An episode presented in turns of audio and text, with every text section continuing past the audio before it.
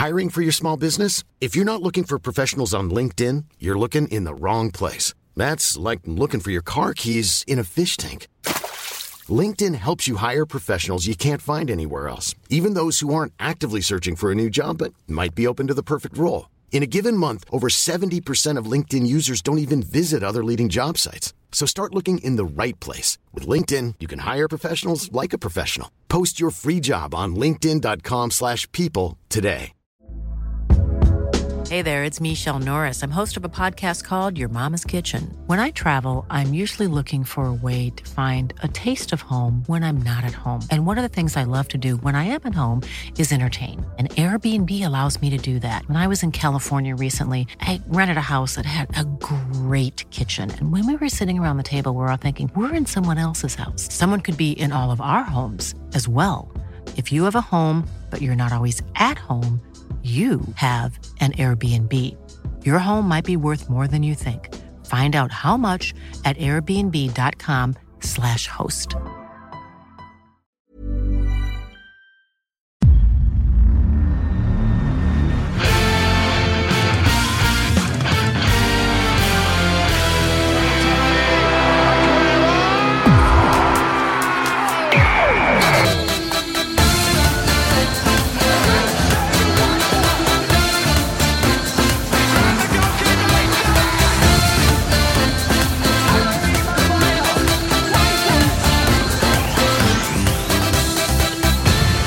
Vi hälsar er hjärtligt välkomna till ett nytt avsnitt av podcasten Rule Britannia och jag ställer frågan direkt eftersom vi spelar in på måndag morgon istället för söndag kväll som vi normalt sett gör. Hur mår du Robin Bylund? Jag mår eh, ganska bra. Jag, jag, vet inte hur min eh, röst mår. Det får väl eh, den här närmsta timmen uh, ut, utvisa kanske. Men uh, nej, det, var en, det var ju faktiskt en, en söndag, där kan vi vara transparenta och tydliga, som handlade väldigt mycket om den allsvenska finalen på eh, Malmö stadion och eh, den eh, guldmatch det till slut blev och efterföljande firande. Så det är med en, en viss dimma i blicken och eventuellt en del rasp på rösten som vi ska försöka ta oss igenom den kommande timmen. Om det, var, om det var dansk dimma i eh, torsdagens Torsens avsnitt så är det alltså en skånsk dimma idag. Du får, eh, jag ger dig två och en halv minut att eh, ta oss igenom gårdagen, för jag är ändå lite nyfiken. Så vi hoppas att våra lyssnare står ut med lite svensk boll. Det var ändå en jävligt speciell match som du såg på plats. Ja, nej, men det, det var det ju verkligen och, och den blev väl ja, men på alla sätt och vis än mer eh, speciell. Vi, vi ska väl inte fastna i eh, kanske diskussionen eh, var, var, var, det finns fördelar och nackdelar med att ha, ha VAR eller inte ha VAR. Men, men det är väl absolut, återigen tyvärr om vi bara går till det sportsliga, lite, lite domarfokus som, som ändå må, måste stå i centrum. Sen var det ju en, alltså, en matchdag och ja, men inramning som var otrolig.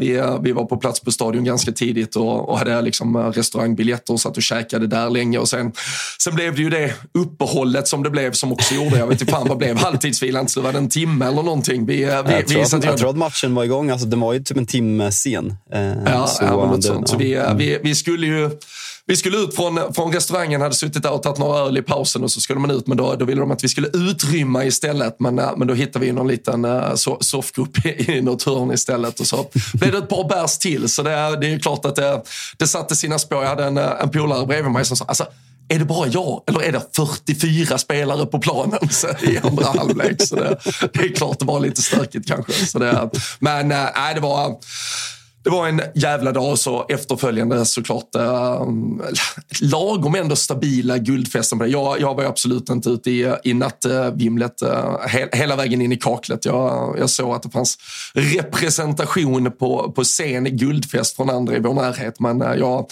jag klev väl av vid, vid midnatt eller något sånt. Men äh, det, man, man är fan inte stark längre. Det, det jag, jag är fan stark alltså. ja, men du, du är ju ung också Fabian, men ja, när, när klockan ringde 06.40 i morse så, um, så hade man kanske kunnat tänka sig att sova ut en timme till. Men uh, Nej, jag, jag, ska, jag ska erkänna, jag skulle egentligen jobba torsdagen efter Köpenhamn. Det gjorde jag absolut inte, så jag kanske inte är så jävla stark. Stark, den, stark, stark, den, på, natt, stark på natten, mindre stark på dagen. Ja, den, den bluffen synar jag väl i de, de sista minuterna av avsnittet när du sa att du skulle, du skulle bara vila lite och sen upp på kusen. Det, så blev det inte. Så, det gjorde jag absolut inte. Spöregna i sidled också. Ringde Nej, pappa. Det blir, det blir inget. Total noll. Och nu sitter man i en bil i ett nollgradigt Norrköping och jag kände så här innan, fan kan jag ha bilen på eller kommer det gå igenom? Jag valde att inte chansa så jag kommer frysa ihjäl snart. Så vi får se hur det här går. Men nu, nu har vi varit igång i dryga fyra minuter och eh, inte pratat någon engelsk boll. Men ska vi, Vad... skit, ska, vi, ska vi skita i att prata Premier League? Kan vi bara prata ut lite om livet istället en timme kanske? Ja, jag vet inte. ja. Ja, alltså vi, vi ska ändå till, tillbringa tre nätter tillsammans om, om mindre än två veckor. Så det kanske behövs att vi lär känna varandra på djupet här och sitter och kul, alltså. ut. Ja, nej, men det känns alltså. Fan, det, jag var, jag var, när var jag senast? Jag var och kollade United-Barcelona i eh, sextondeelsfinal i Europa League i våras. Men så här, just säsongsvis, det känns som evigheter sedan jag var i Manchester. Men det ska, vara, det ska bli härligt att liksom ta med... Vi har ju varit i Liverpool två gånger, du och jag, tillsammans. Mm. Så det ska bli kul att visa upp er eh, för min stad, Manchester, och liksom pubrunder och diverse. Och visa upp. Jag ska ju såklart visa vart jag bodde. Jag vet inte om jag har sagt det, men jag har ju faktiskt bott i Manchester. är det, är det, var det M1 som eh, post, postadress? Eller? Ja, det är M1. Eh, det är liksom så centralt man kan komma, vill jag vara tydlig med. Därav du, M1. Du, liksom. du, skickar, du skickar ju även in i våra, någon av våra chattgrupper här under helgen att uh, jag ska ju få uppleva en match mellan ligans kanske två bästa lag i Everton och Manchester United. Formstarka ja. gäng Ja, nej, men, alltså, när Chelsea kvitterar i 95 minuten på straff genom Cole Palmer så blev det officiellt att Manchester United leder formtabellen de senaste fem matcherna. Eh, inte ens på målskillnad. Alltså, vi är bäst. Alltså, vi är bäst i England just nu och det har snackats mycket. Det har snackats hos dig. Eh, det har snackats om media. Det, det första sidor överallt. Alltså, ja, men det har snackats, men vi är bäst i England och Everton är typ fyra. Mm. Låt, låt, oss vara tydliga att det kanske är du som har snackat mest om vi ska vara helt ärliga kring Manchester. Det, det var ja. också en tweet som eh, kom ut eh, men försvann ganska snabbt eller? Ja, men det var inget, det var inget bra. det var inget bra. ja, det är bra. Men, eh, men vad fan, ska, ska vi börja eller ska vi ta det kronologiskt lite snyggt att gå tillbaka till lördag förmiddagen eller var vill du börja och hugga in i, i helgen? Nej, men vi kan börja snacka Spurs, eller? Det misstänker jag att du ser fram lite emot. Ja, det var ju en... Alltså jag, var, jag var verkligen tvungen. Alltså det fanns ju många anledningar till att gnugga sig lite extra i ögonen uh, i morse på, på alla sätt och vis. Men uh, vi hade också fått, uh, fått till oss där på Twitter, någon som hade skrivit att ja, det är kanske dags att liksom Bylund talar, talar ut kring att han, han sa ju att Tottenham skulle kollapsa och det hade varit kul om en podd stod för vad de menade eller sa eller någonting. Jag, jag, jag förstod du någonting? Alltså är det min, alltså är det mitt mående som gör att jag inte förstod den där tweeten? Eller är du med på vad fan de pratar om? Då? Nej, jag, jag, jag fattade ingenting och det var ju även många lyssnare som hakade på och bara, vad fan menar du? Jag rekommenderar alla att gå in och läsa tweeten. Eh. Ja, för det, jag förstår. För kontentan var väl lite att inför, eh, eller ja, efter eh, vilken var det? Det var när Alice, Alice gästade senast Exakt. när vi skulle ha serieledaravstämning. Precis. När Tottenham hade 8-2-0 i, eh, i, eh, i kolumnen. På, och, då, och då var jag lite inne på att Ja, och då var jag lite inne på att eh, det ändå hade varit en, visst såklart med undantag, men det var också matcher då, om vi tar Liverpool-matchen som till slut blir 11 mot 9 och det är ju klart att till syvende och sist var ju oddsen i i favör för Tottenham. Alltså det var ju matcher till sist de skulle vinna och sen har vi pratat om deras spelschema i övrigt som har varit ganska ja, men, fördelaktigt i alla fall. Och sen nu så var det ju då första testet mot, mot Chelsea. Nu var det Wolves borta som ju på alltså det är ingen, liksom, det är ingen omöjlig uppgift, men vi har ju sett City gå på pumpen där till exempel. De spelade 2-2 mot Newcastle. De är bra på hemmaplan, eh, Wolves och, Wolves och uh, nu väntar ju lite ytterligare ja, men tuffa eh, veckor och matcher för eh, Tottenham. Och eh, nu har vi fått två raka förluster också. Och det var väl lite det jag var inne på. Att det, det, det kan, alltså sen så här, jag såg ju inte, jag såg inte skadeproblematik och avstängningshot framför mig när jag pratade om det. Nu är det klart att eh, alltså det här dopas ytterligare av, av hur hur Tottenham mår som, som klubb med alla skador och alla spelare som är otillgängliga. Men, men det är klart att det är ett eh, wake-up call på något sätt för Tottenham ändå. Ja men, verkligen. Får jag, för jag bara hijacka den här diskussionen när vi, när vi pratar om Tottenham? Och så, det är klart att det är en freak-situation i Tottenham, men jag, jag vill vara jättetydlig innan jag säger det här. Liksom, jag, jag tycker att Manchester United fortsatt ser fruktansvärt dåliga ut. Jag ser liksom ingenting. Vi, vi sliter med att besegra Luton, även om det för en gång skulle vara en rättvis seger. Men det är, liksom, det är tajt och Luton kan lika gärna få in en kvittering på slutet. Så har jag det sagt att jag tycker att United fortsatt är väldigt dåliga och jag imponeras inte av spelet. Men Kollar man Tottenham nu och kanske framförallt situationen när Newcastle åker till Bournemouth och torskar 2-0 och liksom, det är liksom Kieran Trippier går ut och har ett tjafs med borta supporterna och står och skyller på skador och Newcastle är skadade. Men det känns liksom som att Tottenham det är liksom accepterat att de är dåliga de här matcherna. Ja, två röda, det köper jag. Och sen den här matchen för att man har så mycket skador. Newcastle är så här, ja, men de är slutkörda. De slog Arsenal, åker till Dortmund och håller på att torska och spelar sig ur i den där Champions League-gruppen som man hade ett otroligt utgångsläge inför dubbelmötet mot Dortmund. Åker till bomban och torskar och liksom, det blir tjafs mellan spelare och borta supportrar och liksom media är fortfarande, nej men det är så mycket skador så synd om dem. Det är Tonali med spe, spelmissbruk, det är Alexander Isak, det är Bruno Gimares som är avstängd. Alltså kolla, jag har inte velat skylla på Manchester Uniteds skador skador, för jag tyck, inte tyckte att det ser bra ut oavsett skador eller inte. Men jämför det här med det mest utskrattade, hånade laget i hela England, Manchester Uniteds skador. Liksom, Luke har knappt spelat en match, Lisandro Martinez har knappt spelat en match. Höjlund kom skadad, eh, Casemiro har varit skadad. Hur dålig han än har varit den här säsongen så fortfarande en av våra bästa spelare. Aron Fambisaka skadad. Alltså jag kan fortsätta.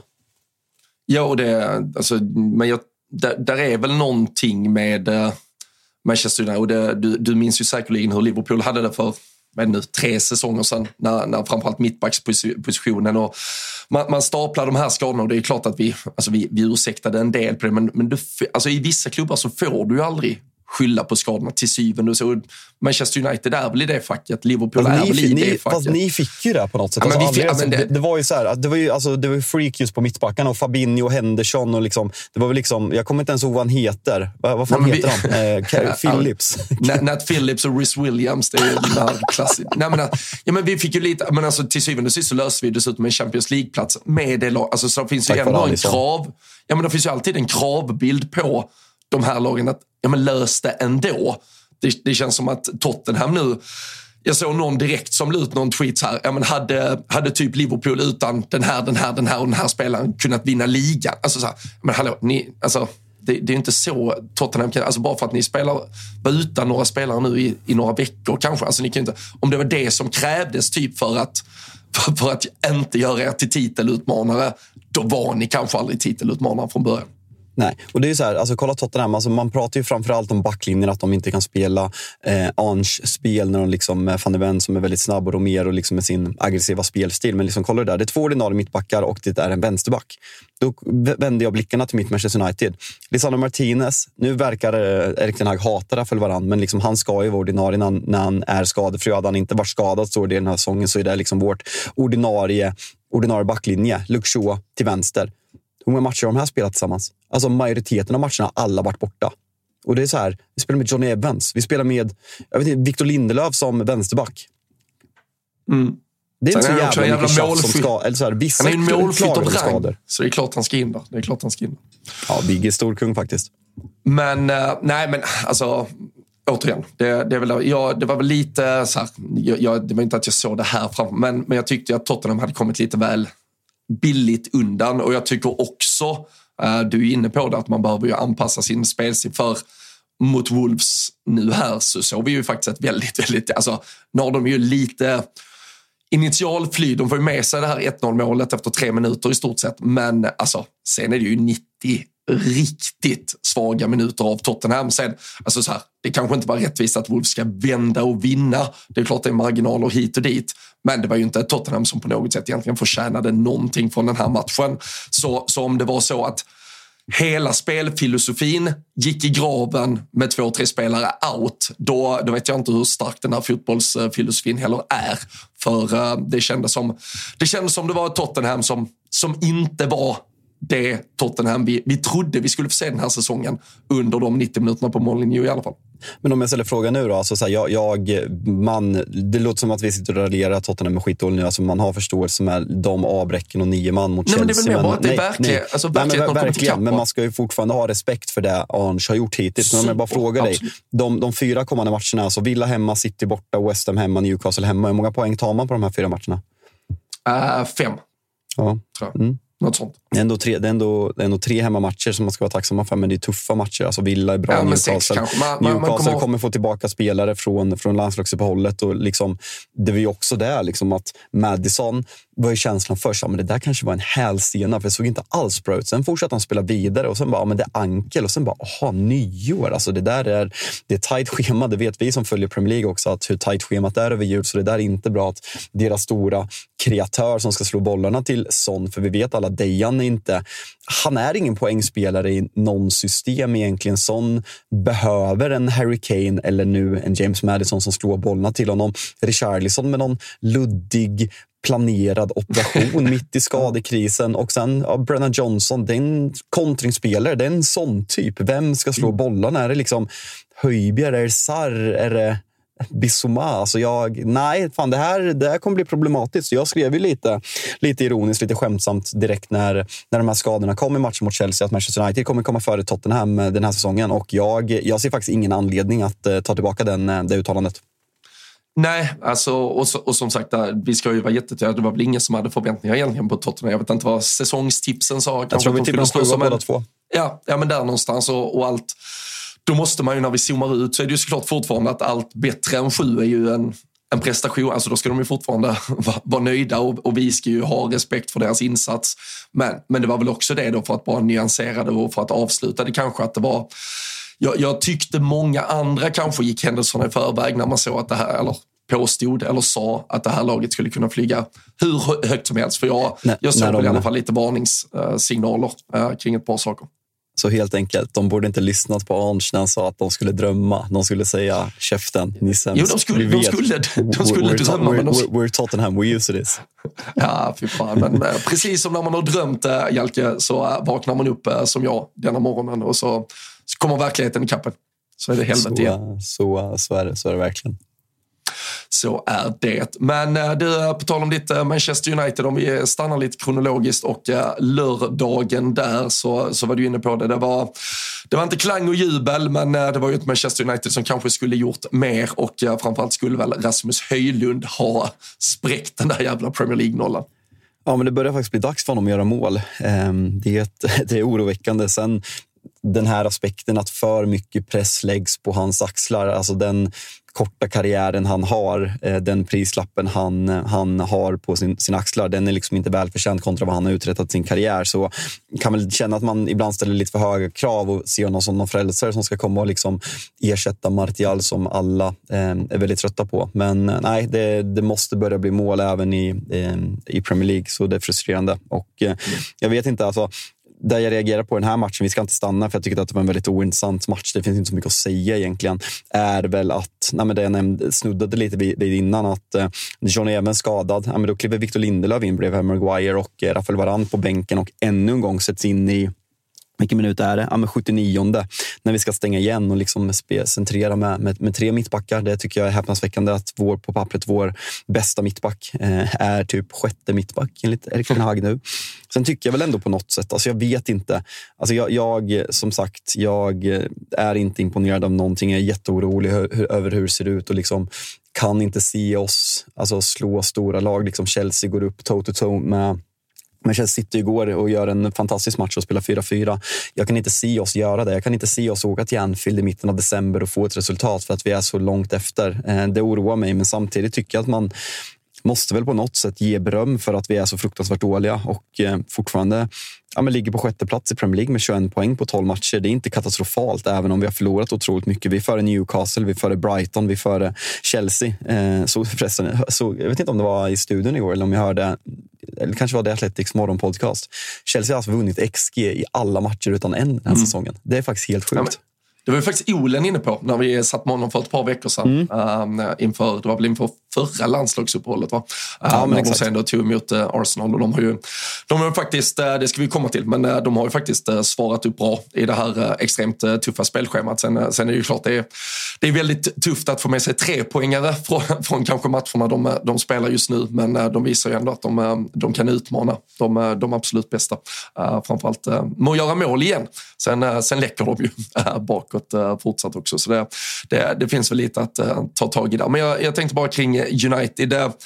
Alltså någonstans så går det ju så pass långt. För nu, man kan ju vara lite Eh, jag ska inte säga raljant, men vi, vi, kan ju skoja lite kring det här, liksom hur tufft ni har det mot ändå på pappret svagare motstånd. Och, och det är 1-0 Luton hit och det krävs eh, vändningar i sista minuten mot eh, Brentford och ni måste ta ikapp 0-2 till 3-2 mot Nottingham och det, det är liksom Sheffield United borta som sitter in på ja, men, äh, in på slutvissla i stort sett där ni måste kriga för varenda poäng. Men det är ju också en stor var, äh, alltså, börjar det tippa över till att det också är en styrka snart kanske att ni, ni ändå löser de här vinsterna på det sättet? Eller är det fortsatt bara problem att ni inte städar av lagen enklare än vad ni gör?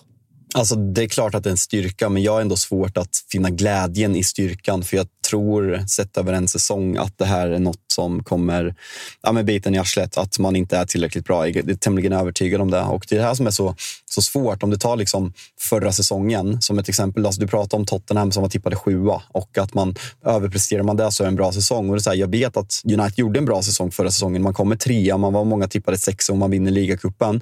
Men likväl, jag tycker att man måste kunna ha förståelse när man kollar på Erik Ten Hags statistik där, men att han är först i 30 vinster. Eh, Eh, av typ alla Uniteds managers i historien och liksom bättre än Klopp och bättre än Arteta på de första 50 Premier League-matcherna eller vad det var. Men jag tycker att man måste se liksom alltså att man måste kunna kolla på förra säsongen och säga ja, United gjorde en bra säsong. Man överpresterade sett till förväntningar, men man måste ändå kunna se att Chelsea skämde ut sig. Man måste kunna se att Liverpool hade en patetisk säsong. Det är liksom en ombyggnation som inte alls gick vägen första säsongen under Jürgen Klopp. Tottenham under Antoni Conte, det är typ lika stort skämt som Chelsea förra säsongen. Att flera av de här konkurrenterna hade en usel säsong. Liksom Newcastle, som många knappt var tippade på över halvan, kom på fjärde plats genom att spela en ganska riskminimerade fotboll. Och eh, liksom, de, de var jättebra, missförstå mig rätt, men det var helt, jag tycker att det säger mer om motståndet än kanske egen prestation. Att United kom trea förra året och att Newcastle kom fyra. Så jag tycker att man måste chilla med att använda förra säsongen som argument för att Erik Ten Hag är en bra tränare. För jag, eh, jag ser fortfarande ingenting, jag ser inga raka linjer och eh, ja, men det är liksom spel utan självförtroende. Så det, jag, jag ser mer frustration över att vi inte kan dominera matchbilder mot usla motstånd än att vi tar starka segrar. Det, det gör jag ändå. Mm.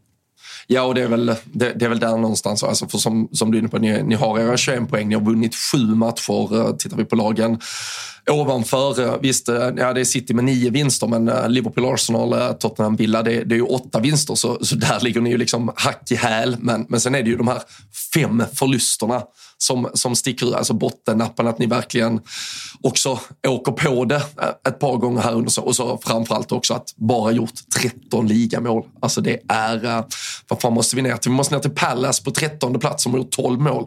Uh, till och med Everton, Nottingham där under har gjort fler mål. Och så en, en minusstatistik då uh, på minus tre i målskillnaden.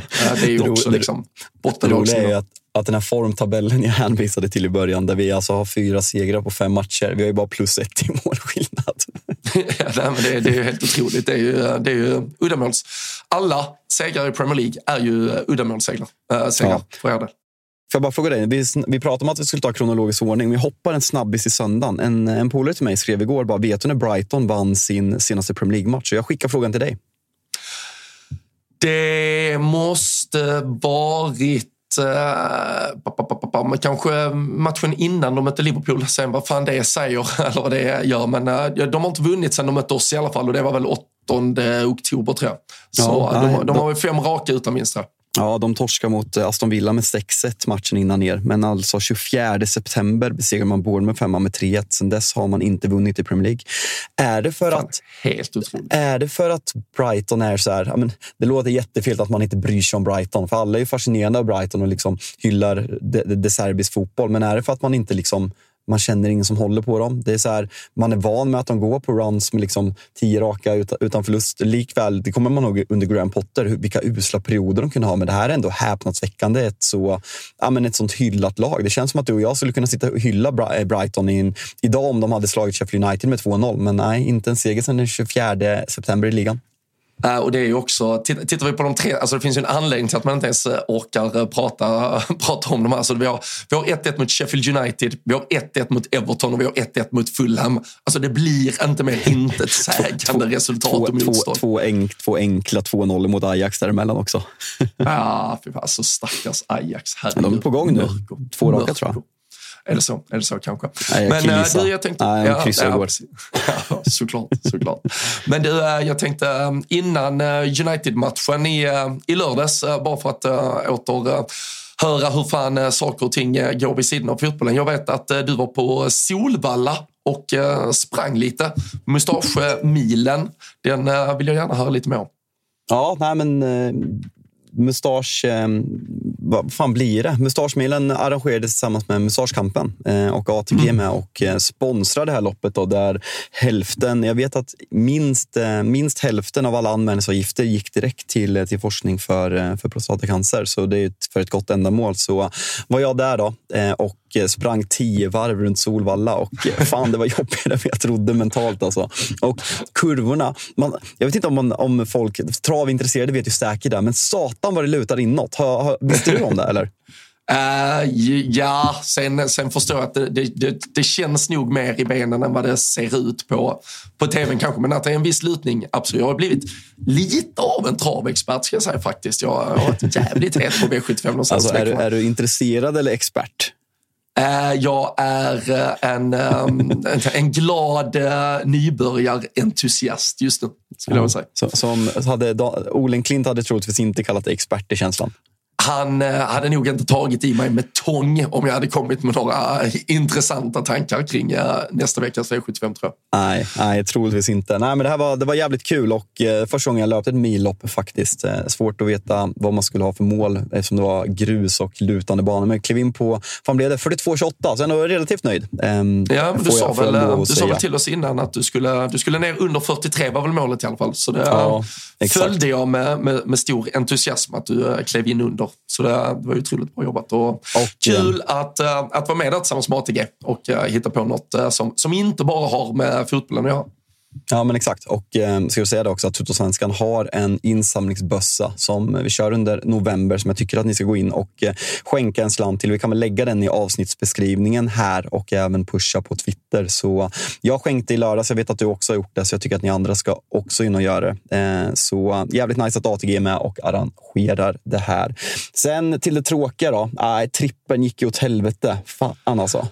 Ja, vad gör Arsenal? Sen, ja, City sen, fuckar alltså, också upp det. Ja, jag vet. Och, och så här, nu, nu, nu ska vi inte försöka skönmåla något, men, men till syvende och sist, kanske skönt att den sket sig redan, redan i lördags. För hade den skitit sig på en straffspark i 95 under söndagskvällen, då hade det varit lite tyngre nästan att tugga i sig. Nej, nej, den hade varit jobbig. Så helt enkelt, du är tillbaka upp på tronen och kommer sätta ihop en trippel. Har två veckor att gnugga nu och vi är på mm. plats eh, nästan. Så att man ska lägga lite spel på matcherna vi är på plats med. Men som sagt, håll utkik. Landslags, landslagsfotboll kommer upp på ATG. så Glöm inte att ni måste vara 18 år för att spela och har ni problem med stöd, spel finns stödlinjen.se till hand. Ska vi prata lite Arsenal när du ändå snubblar in där vid 3-1 mot Burnley? Ja, men det kan vi väl äh, absolut göra. Och äh, jag, jag, tycker väl Arsenal någonstans i eh, jag ska inte säga i, um, alltså, uh, i, i, i, i fullstand, fullständigt motståndsförhållande till, till Tottenham. Alltså, de har ju de har ju bara smugit med hela tiden. Jag, jag tycker att man saknar de här riktiga. Alltså nu, nu vet jag att man, man slog Manchester City med 1-0, men det var också en match som kanske saknade väldigt mycket. Det, det var ju en fotbollsmatch som, som inte bjöd på så mycket, så den, den försvann väl lite i uh, Ja, men den fick kanske inte den uppmärksamheten den, den delvis förtjänade och jag tycker Arsenal nu under säsongen ändå visar att man, man bara är där. Alltså man är verkligen det här men det tydliga topplaget som, som gör vad man ska. Det, det är inga insatser som egentligen sticker ut. Vi ifrågasätter dem lite här och där. Vi tycker att spelare inte har levererat på toppnivå kanske, men men de är ju där i den absoluta toppen med tanke på att vi har City mot Liverpool nästa helg. De, de kommer vara och slåss alltså, om en första plats i den här ligan när vi vänder halvvägs ungefär. Så det är ju ett Arsenal som har satt upp sin egen ribba. Vi pratar om Haaland, han har en egen ribba. Vi pratar Salah som har en egen ribba. Vi ser ju ett Arsenal den här säsongen som har satt upp sin ribba och nu faktiskt förhåller sig till den utan att varken imponera eller sticka ut. Men man gör verkligen det man, man ska göra. Och de, de är ett jävligt tacksamt schema nu fram till de möter. De möter väl den 23 december.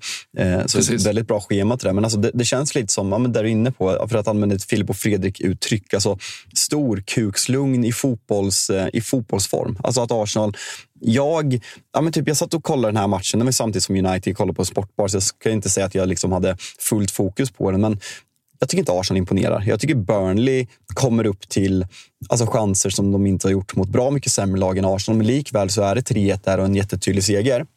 Och sen, och, och sen med med Arsenal att, jag vet inte om det är att man jämför från förra säsongen, alltså fram till mars ungefär, så är ju Arsenal bara så här, alltså wow, det är så jävla kul att kolla på. Det är liksom underhållande fotboll, det är bra stämning på Emirates, liksom Martinelli, Saka spelar som de går på droger, eh, Ödegård helt otrolig. Kollar man i det där laget nu Ja, William Saliba är fortsatt helt otrolig. Men alltså kollar du så här, ska du ta spelare för spelare? Declan Rice har gjort en riktigt, riktigt bra säsong. Annars Saka, sämre än förra säsongen. Martinelli, mm. sämre än förra säsongen. Jorginho, så här, ah, han, han gör det skapligt. Backlinjerna, Gabriel, mm, lite in och ut ur elvan. Sinchenko tycker jag inte alls är lika bra som förra året. Målvaktsfrågan har vi haft uppe. Lite, ifrågasatt med Raya. Ramsey sitter där bakom och väntar. Ben White. Ja, men ben White är stabil, men där, Tomiyasu har ändå kommit in och gjort det bra. Liksom, det är ingen spelare som direkt sticker ut. Och det är sån jävla styrka att de fortfarande är med i ligatoppen som du är inne på. Så jag väljer att se det positiva här. Sen vågar jag typ inte säga något negativt om Arsenal efter den här stormen som har varit de två senaste veckorna, för det är bland det sjukaste jag upplevt.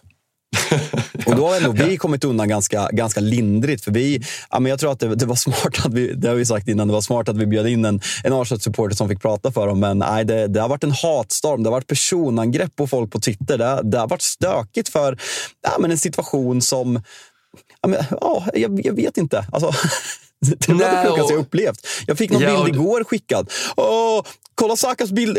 Ärmar, äh, äh. jag kan inte prata. Kolla Sakas armar här då. Tycker du att det här är frispark? Jag bara, snälla sluta. Sen, nu, nu kommer jag hata. Nu kommer jag hänga ut folk. Det är en jävla United-konto som heter typ så här, vad fan heter han? Swedish Rumble eller United Rumble som så vill, en självutnämnd ekono, ekonomiexpert. Han håller på att ta upp så här klipp och jämför situationer och det är stillbilder hit och stillbilder dit och skriver att FA och Sky är korrupta. Sluta för helvete. Och vi sitter och klagar på att man inte ska ta slow motion och stillbilder för att avgöra var. Du kan ju inte, du kan inte supportra, sitta på Twitter och jämföra situationer med stillbilder. Alltså det är så jävla... Jag väljer fan att säga lågintelligent. För alltså fotboll spelas inte på stillbilder. Ni måste förstå det. Ja, nej, det, det gick jag igång. Den, där, där, där gick du verkligen igång. Då, ändå, jag, då, då, hatar när jag börjar lugnt och sen börjar säga saker. Sen blir jag typ du, irriterad du kommer, på det jag själv säger. Ja, du kommer på dig själv någonstans halvvägs. Det, det är otroligt. Jag, jag lutar mig tillbaka och njuter. Nej, men det är väl... Ja, men som det, alltså också, ehm, jag, jag, är helt med dig. Eh, att eh, spela, om vi bara går till det fotbollsmässiga, jag tycker inte Arsenal har visat upp den, den höjden som fanns eh, förra säsongen. Spelare har inte stuckit ut utan man har snarare blivit det här maskineriet. Mm. Alltså, för, förstår mig typ rätt när jag säger alltså det, det är mer ett Declan Rice-lag än ett Ödegård-lag så här långt den här säsongen. Det, det, är väldigt robust och rejält och man, man gör det man ska. Men, men det är inte så jävla mycket, ja, kanske flärd och finess på samma sätt äh, än så länge. Sen, äh, sen har de ju de verktygen i sin, i sin låda också. Jag, jag tror väl kanske man, man lärde sig lite det över, äh, från förra säsongen. Det är väl kanske det Tottenham just nu ska lära sig att alltså, över 38 omgångar så spelar du inte med just flärd och finess och vinner en liga. Inte Premier League i alla fall, utan du måste varannan vecka antagligen bara åka och göra ett jävla gnugg någonstans. Men, men, men, tror du att Arteta, tror att det finns någonting, det är jättesvårt att sitta och spekulera vad Arteta känner, men tror du att Arteta på något sätt känner att vi är inte där vi var självförtroendemässigt. Liksom, det klickar inte så att man liksom tar ett steg tillbaka och spelar, ja, vi slänger oss med det uttrycket nu, en mer Declan Rice-fotboll. Och som sagt, Arsenal är ett av de frejdigaste, eller fröjdigaste lagen att se i Premier League, så liksom missförstå mig rätt. Jag tycker att Arsenal är överlag jävligt roliga att kolla på, men det är inte som det var när Arsenal var som bäst förra säsongen. Jag tror att det är något medvetet av Arteta för att han känner att de inte är där.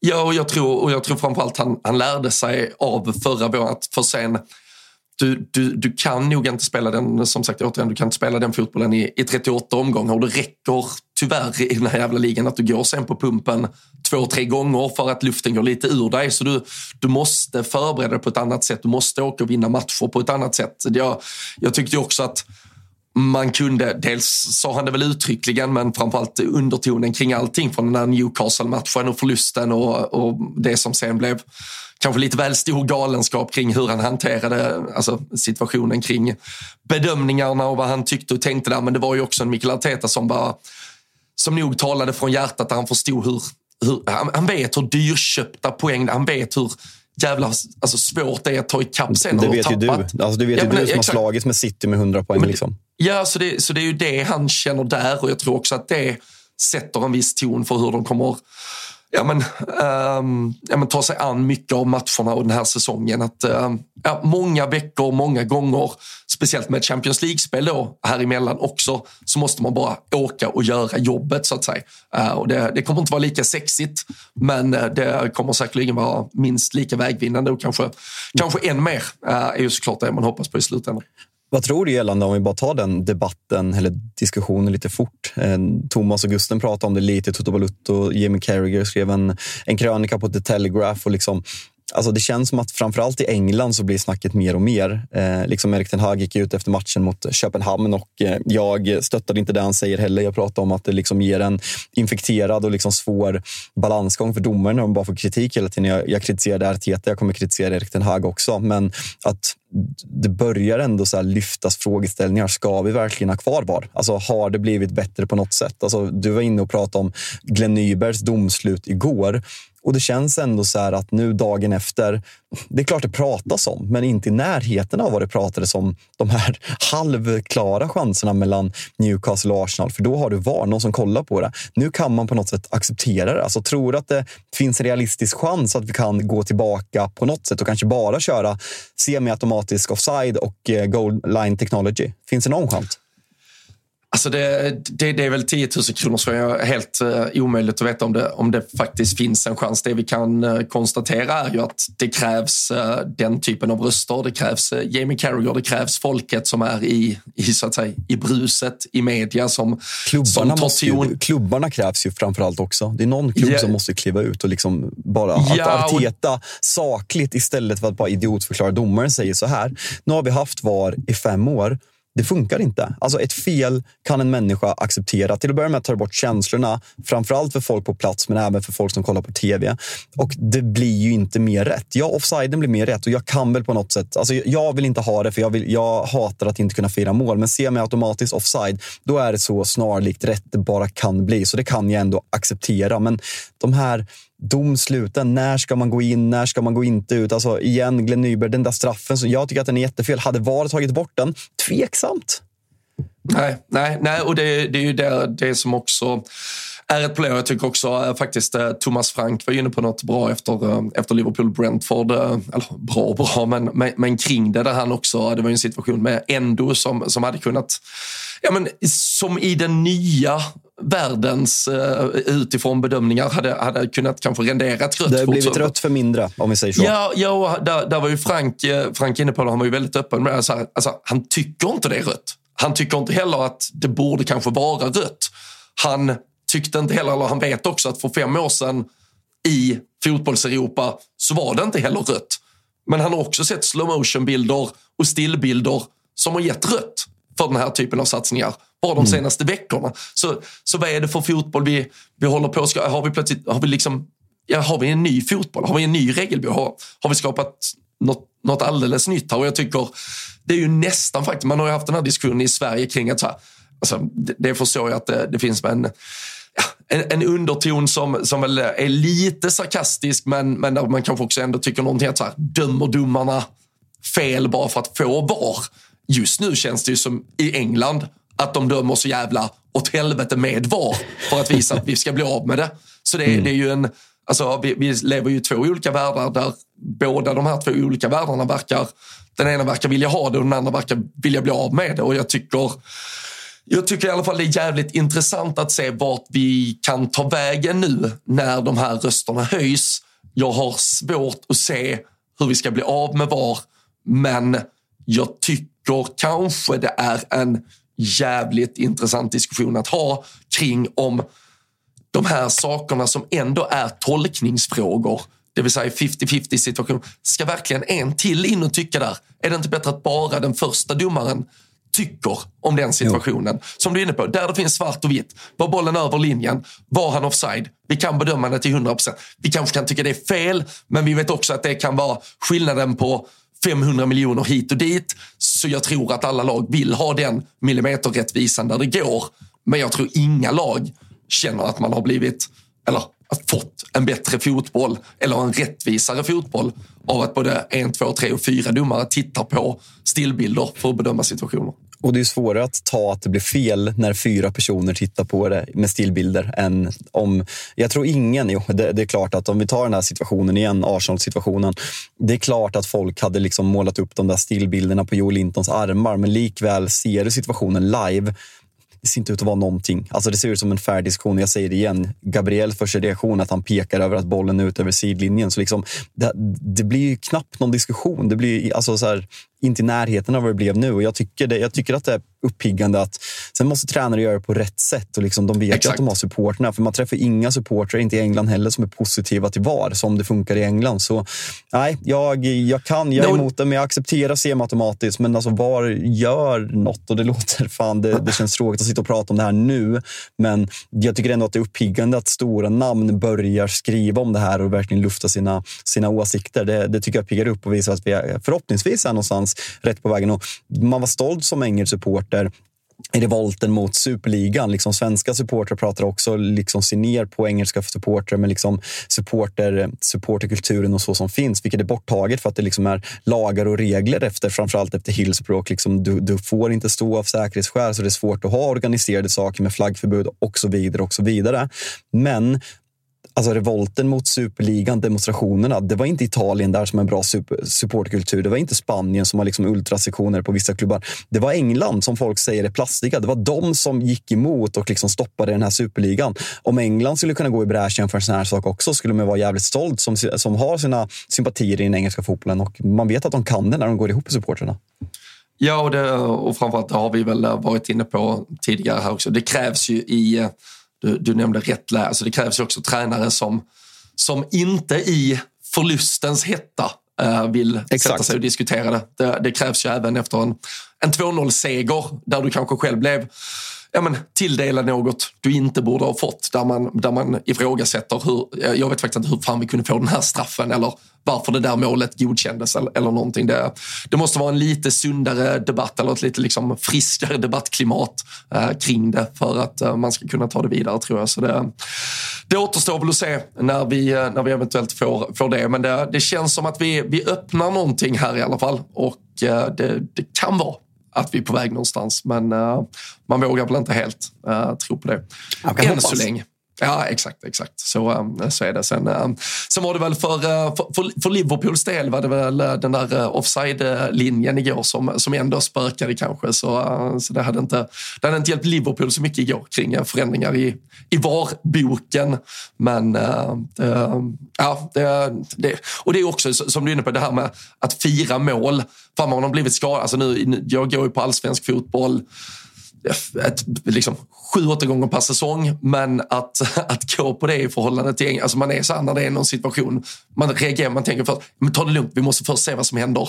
Alltså, någon ska kolla på det igen och sen det bara, fan, ingen ska kolla på det tydligen. Det, det, är så här. Han har dömt straff och det kommer att bli straff. Det, så det är också två olika jävla upplevelser man är, ja, man är med. Darwin Nunes, ja. två bra avslut, två mål, offside. Ja, ja det, var ju, det var ju dit jag var på väg lite. Men alltså det, det, alltså, och det är, så här, han, han, han är ju ändå där. Uh, och uh, jag, jag väljer att se glaset som halvfullt kring Darwin Nunes uh, säsong än så länge. jag tycker att du gör rätt i.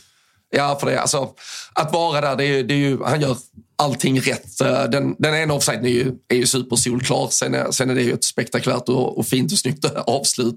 Men, eh, men i det första så, så gör han ju allting rätt och sen eh, sättet han lägger upp den till, till Salah också visar ju att det finns en, en länkspelare i honom också. Så um, Nunes, uh, jag tycker ändå han uh, fortsätter få med beröm godkänt för vad han presterar på, på planen.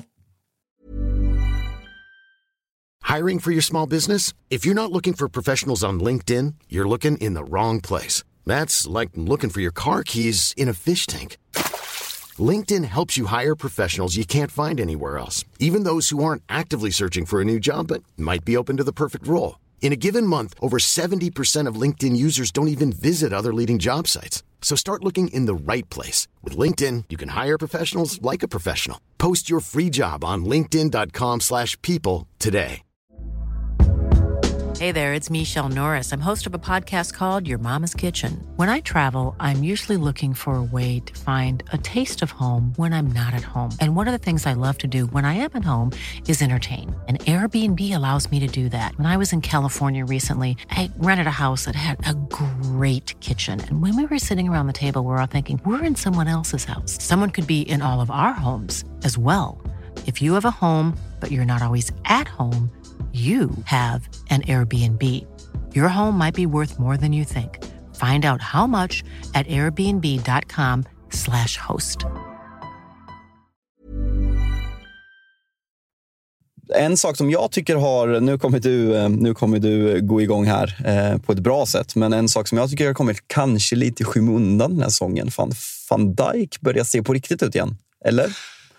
Ja, eh, så är det väl. Och vi, vi var inne på att prata liksom, ribbor och nivåer och, eh, och hans har ju legat också på världsrekordnivå väldigt länge, vilket har gjort att varje gång han har alltså, varit mänsklig så har det ju sett som eh, underprestationer att han har varit slut och svag och man har använt den där lite så här bara liksom, egentligen utan fog, använt den där knäskadan efter situationen med Pickford för att säga att ah, han har aldrig kommit tillbaka sedan dess. Alltså när han kom tillbaka var han jävligt bra direkt. Sen, sen har han absolut dippat. Han har sett loj ut eh, stundtals. Men eh, jag tycker absolut den här säsongen som du är inne på att han har. Han har sett riktigt, riktigt bra ut och sen eh, Sen är det ju också, alltså sättet Liverpool spelar fotboll på så, så kommer fortfarande också Alisson Becker vara så jävla viktig. Alltså det är en har du, har du inte en Alisson Becker bra målvakt så, så har vi 1-0 uh, Brentford, hur orättvist det än är. Men han är ju bäst i världen på den typen av utrustning han gör. I, uh, är det Mbeumo som, som kommer loss tror jag. Och uh, där samspelet van Dijk och Alisson har ju den här säsongen varit, varit bra och båda två har varit riktigt, riktigt bra dessutom. Ja, men han, känns, han känns självklar. Han känns den här, men, återigen, storkukslugnet som han är liksom bäst i ja, världen det... på att ha. Alltså han, det, det, känns, jag var ju kritisk, jag kommer inte ihåg om det var början av den här säsongen, men framförallt förra säsongen, hur lojt det såg ut som han sket i det. Det var ändå mm. lite i början av säsongen, men jag tycker att senaste, senaste två månaderna att han, eh, ja, men det ser bättre ut. Liverpool släpper inte till de här alla släppte väl in första målet i typ så här åtta matcher i rad. Eh, eller dylikt. Jag tycker att man har steppat igång och liksom man släpper inte till lika mycket målchanser. Även liksom Brentford som du säger, man kan ta ledningen den här, den här matchen och eh, så är det en helt annan match. Men nej, Liverpool, Liverpool är också svår att få grepp på. Alltså, en, ena matchen är de fantastiska, sen kommer en liten, en liten, ett litet bottennapp och man känner att ja, det kanske är ett år för tidigt för att utmana på riktigt. Men likväl, man är där uppe. Man möter City, visserligen på bortaplan, men fan City, om vi snuddar vid gårdagens match. Pratas det inte för lite om hur jävla viktig John Stones är i det här laget? Eller? Alltså jag tycker man ser, alltså vi pratade i början av säsongen när City vann men inte imponerade. John Stone skadad. Han kommer tillbaka, krossar United. Man har någon annan övertygande vinst där. Nu skadad, ser inte alls lika bra ut. Stabiliteten i offensiven, stabiliteten i defensiven. Han är eh, otroligt viktig. Ja, och där, där tycker jag ju att vi... Alltså, jag var väl eh, ganska eh, positiv inför säsongen till eh, framförallt att man plockade in Kovacic och, och trodde han skulle kunna vara väldigt bra på det där mittfältet. Jag tycker det är, jag tycker det är ganska tydligt att deras mittfält generellt sett inte alls har varit lika bra den här säsongen. De är inte lika stabila när de dessutom, som du säger, alltså när, när Stones har varit borta, man hade avstängningen på Rodri, så det är klart att det har varit alltså, yttre faktorer som har påverkat det. Men jag tycker inte man har varit ett lika kontrollerande lag eh, över 90 minuters perioder, utan det finns mycket mer dippar i Citys matcher nu. Man, eh, man släpper till en hel del en hel del, ska väl inte ta i och överdriva, men man släpper till chanser och det finns verkligen jag tycker även när man ser Manchester City mot på pappret sämre lag så ser man ändå möjligheter för lag att göra mål på City på ett sätt jag inte tyckte man såg för om vi går tillbaka bara till förra säsongen och även de senaste säsongerna innan dess. Så det, där är väl ett lite mänskligare City och varken Kovacic eller Nunes tycker jag ju har att, alltså, de har inte imponerat jättemycket på det där City-mittfältet. Nej, nej, så är det. Vi, vi kommer med till den matchen senare. Vi tar fan Everton. Fortsatt, fortsätter imponera och ställer en ledande fråga till dig. Alltså att United har sämst XG i världen är ju väntat. Men vilka, vilka tror du snittar högst XG? Arsenal eller Everton? Jag antar att det är Everton. Och, ja, det, är Everton. Det, det, det, vet jag också. Vi har varit inne på att eh, de, eh, de hade väl lite så här ketchup-effekt på, på gång om man tittade på underliggande siffror. Så det, de får ju utdelning uh, just nu. Uh, sen kan man ju verkligen argumentera för om det är ett uh, liksom, skönspelande Everton. Men man, fan, man, man öser på inte, ändå. De, de kommer inte åka ut i alla fall. Alltså, det kan vi slå nej, fast. Nej, och det, det är ju en kombination av såklart att de själva har dratt, liksom, äh, dratt upp kragen och dragit sig i den så att säga. Men äh, framförallt också att bot, bottengängen där under. Alltså. Vad är det för lag vi har släppt upp i den här serien? Burnley förlorar och förlorar och förlorar. Sheffield United, visst, nu tar man det där krysset.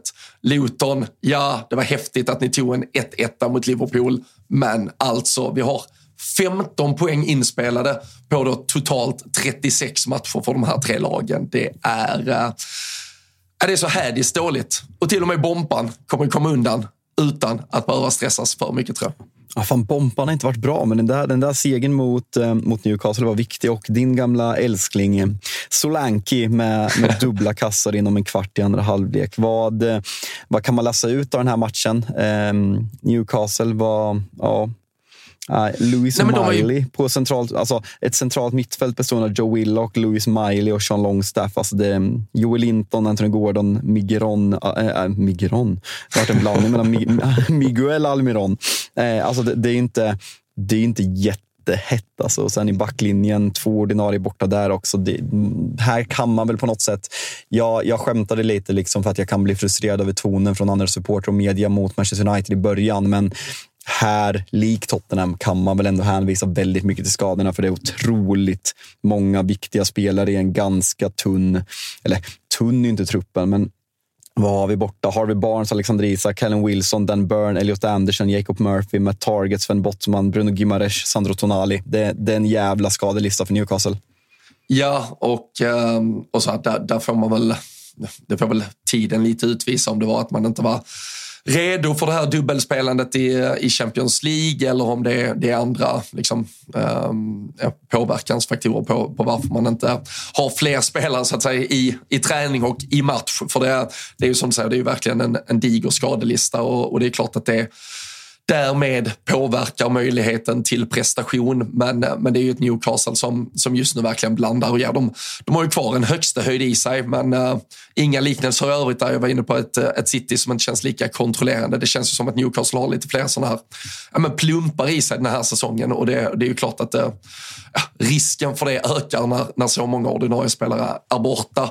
Och uh, där, där ligger det väl på Newcastle trots allt att vill man vara med i den här toppen och jag tror inte att Newcastle ska ska tro eller ens ha förväntan eller eh, liksom tycka och hoppas att laget ska vara i topp fyra säsong efter säsong. Men vill man vara där precis under så är det klart att man måste bygga en trupp som kan hantera även ett par avbräck hit och dit. Och det, det, det, det är väl samtidigt det också Newcastle vill bygga. Det är det man ska bygga.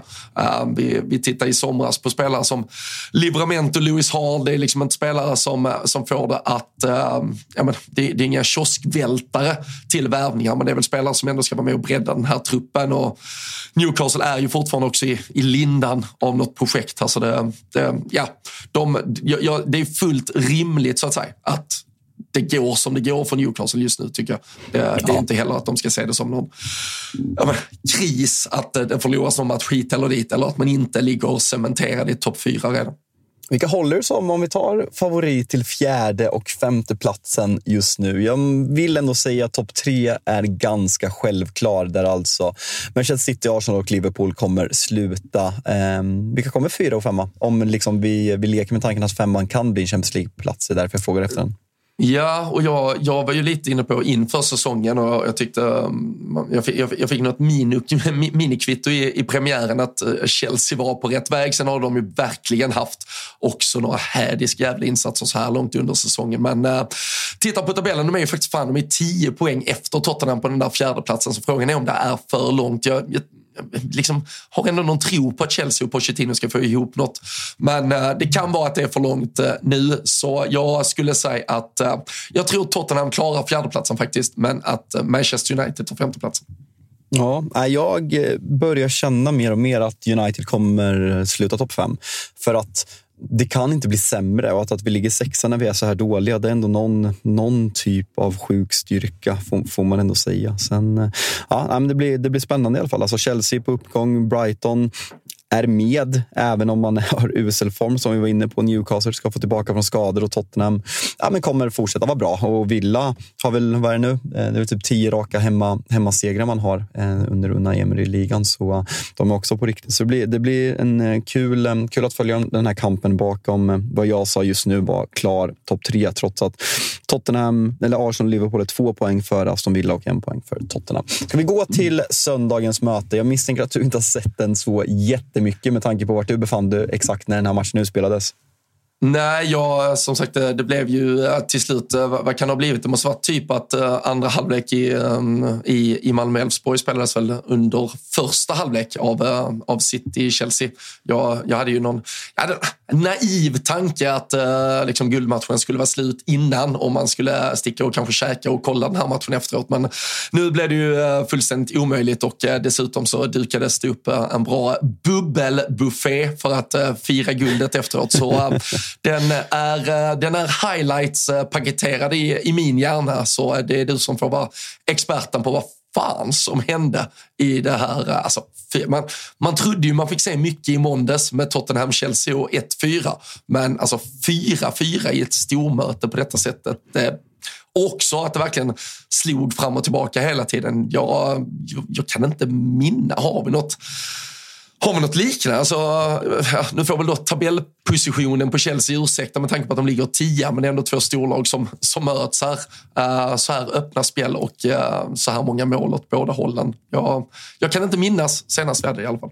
Nej, jag minns att det var fram och tillbaka också. Jag ser nu att Klopp har ifrågasatt avsparkstiden mellan City och Liverpool. Ja, men, Fabian, fa, nej, alltså, Och, och så här, vi, vi kan ju återigen, vi kan, vi kan ju skoja, vi kan göra oss roliga på Klopps bekostnad. Men jag antar att både City och Liverpool, City har ju, vad man, har Ederson, man har Alvarez, man har väl kanske någonting. Alltså, det är återigen två lag som har massa spelare på sydamerikanska VM. Sluta värva sydamerikaner. Ja. Alltså, ni vet ja. ju att ni får Klopp, sen, people ja. making decisions don't feel football.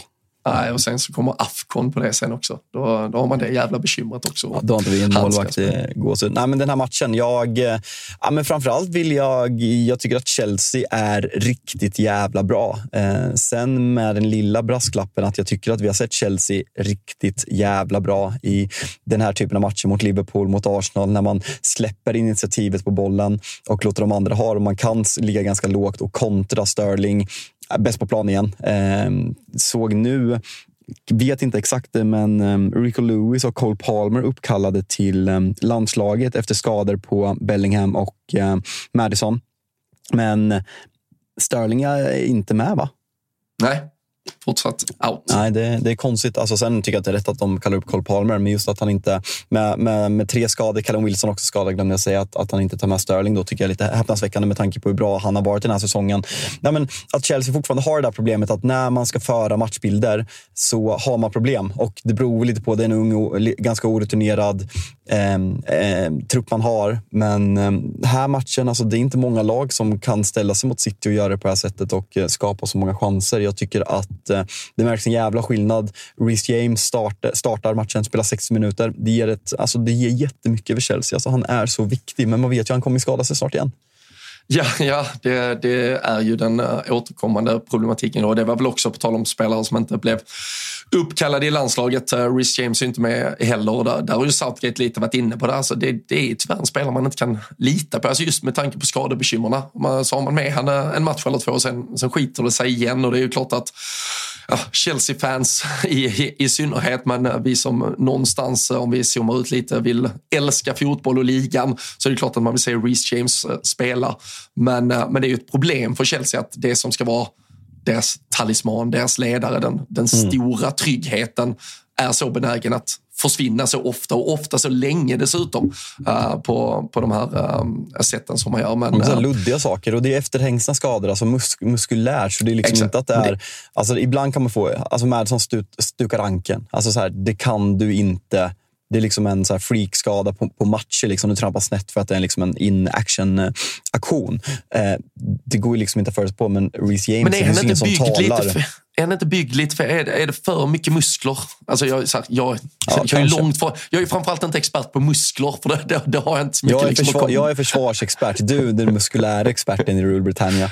Ja, men det, alltså så här, ja, det, det, är en superenkel, eh, eller ett superenkelt försök till analys, men kanske eh, ändå att liksom kroppen är lite felbyggd för den explosiva spelstilen. Alltså jag förstår Gareth, att han behöver Gareth muskelmassa. Gareth Bale, typ. För köttiga ja. ben för sitt eget bästa. Ja. Ja, men uh, lite så. Men det är ju, alltså nu, nu var det ju en freakmatch fullständigt mot uh, Tottenham, men uh, där gör man fyra mål. Man gör fyra mot Manchester City.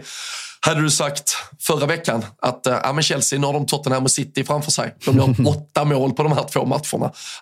innan dess hade man gjort 13 på 10 matcher. Det är, uh, det är rätt sinnessjuk utdelning offensivt i alla fall. Ja, nej, men det kan man verkligen säga. Jag tycker att Alltså någon som ska få beröm den här matchen också tycker jag är Håland. Ehm, tycker han gör en otrolig match och är bra i spelet också. Och kryddar det med två mål. Fan, kände. Är det här bara en känsla? Nu avgjorde inte Rodri, men det var ju väldigt mycket som talade för det när han sätter in 4-3 mm. 86 minuten. Gör inte Rodri väldigt... Han gör ju väldigt få mål, men när han väl gör mål känns de inte avgörande. Alltså jag kommer ihåg något mot Arsenal för något år sedan. Han var väl borta mot Sheffield United när Kyle Walker bjuder på en kvittering i typ 85 och, de, och mm. Rodri sätter in den någon minut sen. Det känns som han har avgjort mycket stormatcher. Kanske bara en känsla, jag vet inte. Alltså, antagligen dopat av faktumet att han avgör Champions League-finalen. Då, då ja, är det bara att ta med, sig, ta, ta, ta, med sig det. Men, uh, nej, men jag, jag, jag tror uh, du, du säkert har rätt uh, i det. Och framförallt så har han ju han har ju en aura av sig att okej okay boys, nu behövs det. Då kliver väl jag fram då. Alltså för när han kliver in i ett straffområde så det märks, det syns. Alltså han tar ju plats på något sätt som, som gör att man känner att, okej. Okay, han, han är ju robot. Han är liksom, yeah. han är ju, han är liksom jo, känner, han är Arnold Schwarzenegger i Terminator, Terminator uh, vad fan blir det, ett? Ja, det där, det, alltså filmgamet, där är jag svag ska jag säga. Ah, okay. Men, uh, nej, men just det här att okej, okay, vi behöver vinstmålet. Jag kliver väl fram. Jag kliver in i straffområdet. Jag, jag, visar mig. Jag är här. Sen, eh, sen är det ju säkert att eller, han har ju uppenbarligen gjort ett par uh, viktiga och avgörande mål också. Men eh, jag tror också bara han sprider den känslan av att det är någon som, som kan avgöra. Någon som kan visa sig. Någon som kan kliva in här.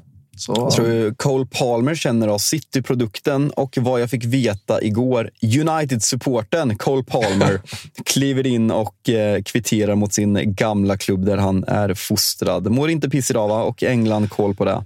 Nej, och det är väl, vad fan är det nu? Är det fjärde straffmålet han gör? Eller femte? Uh, fjärde Jävla fot han har. Ja, ja, och jag tycker också sättet han, han sätter dit den där straffen på. Alltså det är sån, han har så jävla snärt i den där foten. Uh, mm. så, um, och på tal om, han, det var väl han som avgjorde U21-EM i sommar. Alltså han verkar ju ha en, äh, han verkar ha en jävla tro på sig själv och, och vågar ju kliva fram och, och, och ta ansvar. Eh, för som du var inne på där med, med det här Chelsea-laget, det, det stora problemet för att de kanske ska vara stabila i en topp den här säsongen redan är ju avsaknaden på någon som styr tempo, tar ansvar, håller ihop laget. Men även i den här då ungdomliga entusiasmen och det spretiga lagbygget det är så, så är det ju häftigt att se då spelare ändå kliva fram och ja men vad fan, ge mig bollen så gör jag det. Och mm. Cole Palmer har ju klivit fram flera gånger nu Eh, och gjort det. Och eh, som du är inne på med, med tanke på historiken, kom från City, de valde att släppa honom och eh, kan väl tycka det är lite märkligt. Sen vet vi att det är bokföringsmässigt väldigt bra att släppa egna spelare för de pengarna som City gör med, med Palmer i det fallet. Men nog känner man väl ändå att City kanske borde ha haft, kunna ha plats till honom i truppen ja, men att man värvar en spelare som Doky istället och liksom släpper en egen produkt. Och liksom det kryllar ju inte av egna produkter i den där klubben. Är liksom Phil Foden som är talisman, Rico Lewis kommer upp nu. Men liksom, det är en Manchester-kille, sånt värdesätter man ju väldigt mycket. Så, nej. Och sen att han kliver upp där i 95 som du är inne på mot sin gamla målvakt, det, det tyder på nerver av stål. Eh, så nej, det, det, blir kul att följa honom. Eh, för jag tycker att han ser riktigt bra ut. Han ser mogen ut och liksom vågar ta för sig också. Sen, alltså Chelseas mittfält, alltså, det, det är två och en halv miljard som springer fram, springer omkring där. Och så här, de är bra, men det är inget speciellt. Alltså det är jätteoväntat att det inte ser bättre ut. Sen kanske man, de kanske är bättre än vad man tror, bara att båda har en ganska en spelstil som gör att de inte syns så mycket när man kollar på tv. Jag, jag vet faktiskt inte. Nej, också det här, det, alltså, nästan alla känns ju på något sätt, det här är inne på, alltså spretiga, fladdriga. Det, det finns ingen trygghet i, i det där Chelsea-laget. Jag tror det är det som gör att även när de gör så att säga, säkert bra matcher, bra prestationer så, så känns det bara luddigt vad fan det är de sysslar med där ute uh, vissa gånger. Och, uh, vi, får väl, vi får väl ringa upp eh, uh, Joano om, uh, om några veckor här och se om han tycker att Caicedo har spelat bort sig från tronen som säsongens sämsta värvning. Det var ändå skönt att han eh, som Chelsea-supporter satte, eh, satte ner foten eh, och gav mig lite rätt i, i hur jag ändå hade analyserat hans, hans höst. Nu, nu kanske han har fått lite, lite upp. Jag tror att Chelsea-supportrarna generellt mår lite bättre kanske idag än vad de gjorde för några veckor sedan. Så det, det hade kanske putsat det lite i alla fall. Ja, Ruben, Di Ruben Diaz vill jag, innan vi lämnar den här matchen, Ruben Diaz vill jag prata lite om. Jag tycker att han, när han kom, alltså jag tyckte han var så jävla bra. Alltså liksom, tillsammans med van Dijk, världens bästa mittback. Och, men nej, det är något som, jag vet inte vad, han är så vårdslös. Alltså den där straffen som han drar på sig. Vi pratade om i eh, Merseyside-derbyt, om Ashley Youngs andra tackling han gör på Luis Diaz. Du får inte agera sådär. Alltså, du får nej. inte göra det med en varning. Och nu, så här, nu är det i straffområdet. Alltså, du får inte göra en sån glidtackling på chans i straffområdet i 90 minuten. Det, det går inte. Alltså, du, nej. Jag, nej. Som sagt, alltså, jag tycker verkligen att, att John Stone saknas. Sen är det liksom Akanji som får flytta på sig om Stones är tillbaka för att Rumedia ska tillbaka där. Men jag tycker att han ja, men mycket ojämnare än vad han varit tidigare. Och det var även stundtals i början av förra säsongen, om jag inte helt fel ute. Det kan vara ett året innan, men jag tror att det var förra säsongen. Första halvan var han också direkt svag och sen kommer han tillbaka och är liksom helt otrolig och liksom sätter inte en fot fel. Så äh, lite konstig, ja, men, lite för mycket upp och ner för min smak från mittback just nu.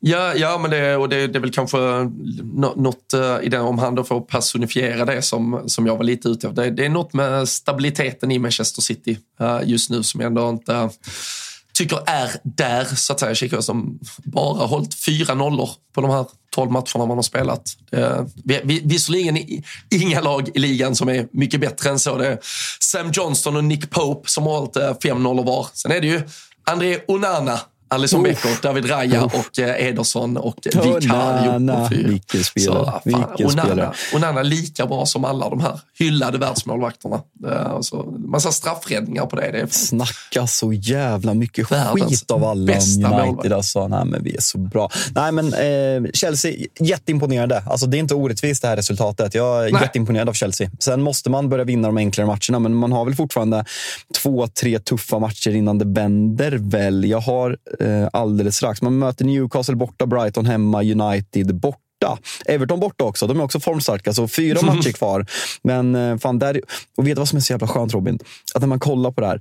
Premier League, Premier League, Premier League, Premier League, Premier League och sen en liten ligacup där och sen bara öser det på hela december. Inga landslagsuppehåll. Nu har vi två jobbiga veckor. Vi jobbar på att lösa gästavsnitt så vi ska liksom spetsa till det lite. Kanske någon höstens lag, höstens flopp. Vi får se lite, men fan mm. vad skönt det ska bli att bara ösa på sen och uh, köra utan uppehåll och tråkiga kupper och Champions League som hittar in där. I och för sig det är två matcher kvar så United kommer skjuta ut sig där. Det, det är jättepositivt. men vad har vi annars då? West Ham vann 3-2. Alltså, snä, bara notera vad som hände de andra matcherna så, så, så är det dags. Alltså jag, jag är helt ja, otrolig att jag har klarat en timme här idag faktiskt. Du, du ska så. få vila. Kul för Anthony ja, Langa som gör mål. Ja, ja, men, eh. men alltså, vad gör karln? Hur firar han ett 2-1 mål i 65 minuten? Är han dum i? Alltså, har han någon beef med West Ham? Eller? Han drar tröjan, han sliter GPSen. Han firar United. som att han har vunnit VM och så får han 3-2 förlusten istället. Vad, vad, vad sysslar han med? Han alltså, United-fan, han hatar David Moyes. Ja, men helvete vad jag hade varit förbannad på en spelare som firar 2-1 mål i 65 minuten på det sättet. fan, nej, där blev jag riktigt jävla förbannad i morse. Ja, älsk, älskar, älskar när du blir arg. Everton ja, alltså, snuddar vi vid. Väl. Ja, ja, det får räcka så. Det får räcka sent, så. sent mål eh, av Ghana Gay gjorde mål. Det är otroligt. ja, men det, det är ett otroligt lag, Everton. Ja, jag, älskar, Everton, jag älskar fan Everton. Ja, det, är, det är ehm. ditt eh, kärleksderby vi ska på om två veckor. Då. Nej, Bompan, andra, Bompan hade varit kärleksderbyt. Och Brighton som sagt, Brighton 1-0 upp, får en rött kort, självmål av Webster 75. Villa stabilt, Rally Jiménez med första målet. Kan han komma mm. upp och slå sitt, sina rekord från senaste år när han typ snittat två, tre mål? Eller? Fråga Svanemar som kommenterar den här matchen, bara, hur ser Rally ut? Jag bara, spelar Rally? Eller hur ser han ut? Han bara, han spelar inte. Jag bara, jo, han startar. Han bara, alltså, han spelar han inte. Är där, men spelar Nej, Så, ja. ja. Det är bra. Uh, noterar... Ska, ska, vi ge oss så? Ja, vad vi vill ska. du notera?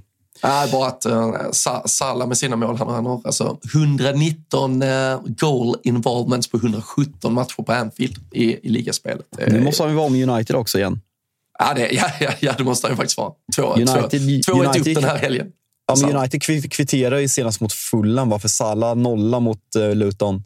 Ja. Och sen så Salla 2-1. Alltså nu, nu ett, ett upp Salla igen. Ett upp Salla igen. Vi, vi följer den matchen med, med spänning. Alltså, tänk om det går ett helt år. 5 mars eh, sa vi att uh, det började räknas. Salla leder just nu. Möts ju snart. Det blir 3-0 Salla. Ja, det, det, är det enda som är rätt så säkert. Men äh, nej, vi, äh, vi tar oss igenom det här landslagsuppehållet. Jag ska, jag ska vakna till liv lite här. Jag hoppas att äh, vi ändå höll ihop den här timmen och lite till tillräckligt bra så att ni, ni fick en dos av Premier Ja, det, det är dopat, för det är fan inte så. Det är inte så jag känner mig just nu i alla fall. Så, vet du vet vad jag vill göra innan vi avslutar också? Eh, man kunde ju faktiskt följa mina bravader på Solvalla i, eh, ah, i lördags på, mm. Um, på vår Instagram. Eh, så körde vi lite stories och där kommer vi fortsätta. Vi gör reklam för avsnitten precis som vi gör på Twitter. Men framför allt fredag om, det är bara tio dagar kvar nu Robin ungefär, så kommer vi åka till England och då kommer vi köra en liten, ja, liten live-rapportering från helgen. En liten dagbok där ni får följa med oss på Instastory. Så glöm inte att följa oss på Instagram där vi heter Rule Britannia Podcast. Så in och följ oss på Instagram innan ni avslutar den här och när ni ändå passar på, in på Spotify, betygsätt oss. Det ger oss möjligheter att gnugga på ännu mer och göra ännu mer avsnitt. Vi har lite planer inför jul som vi håller på än så länge, men betygsätt oss så blir det troligare att de blir av eh, verklighet. Ja, men så, så är det. Eh, gillar ni podden, eh, ge oss några stjärnor där. Sprid att Rule Britannia finns och att det får en att ta sig igenom landslagsuppehåll men också måndag morgon när man har firat ett SM-guld. Så fan, i alla väder, i alla tider så rullar vi på och som sagt in på Instagram och följ oss också. Twitter, där vet ni att vi finns och vi vet att ni är där också. Så det är bara kul eh, på, eh, ja men ju fler som hänger med på ju fler ställen. Eh, nu ska jag försöka ta tag i mitt liv här Fabian. Ta, ska... ta en nap Robin. Jag, jag, kommer nog att göra det faktiskt. Ja, en, liten, en liten timme på det berömda locket. Jag tror jag är förtjänt av den. Men till er där ute, vi tackar för att ni har varit med oss idag och så hörs vi snart